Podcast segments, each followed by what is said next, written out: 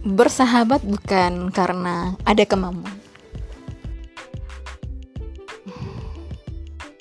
Mencintai dalam diam adalah pilihan.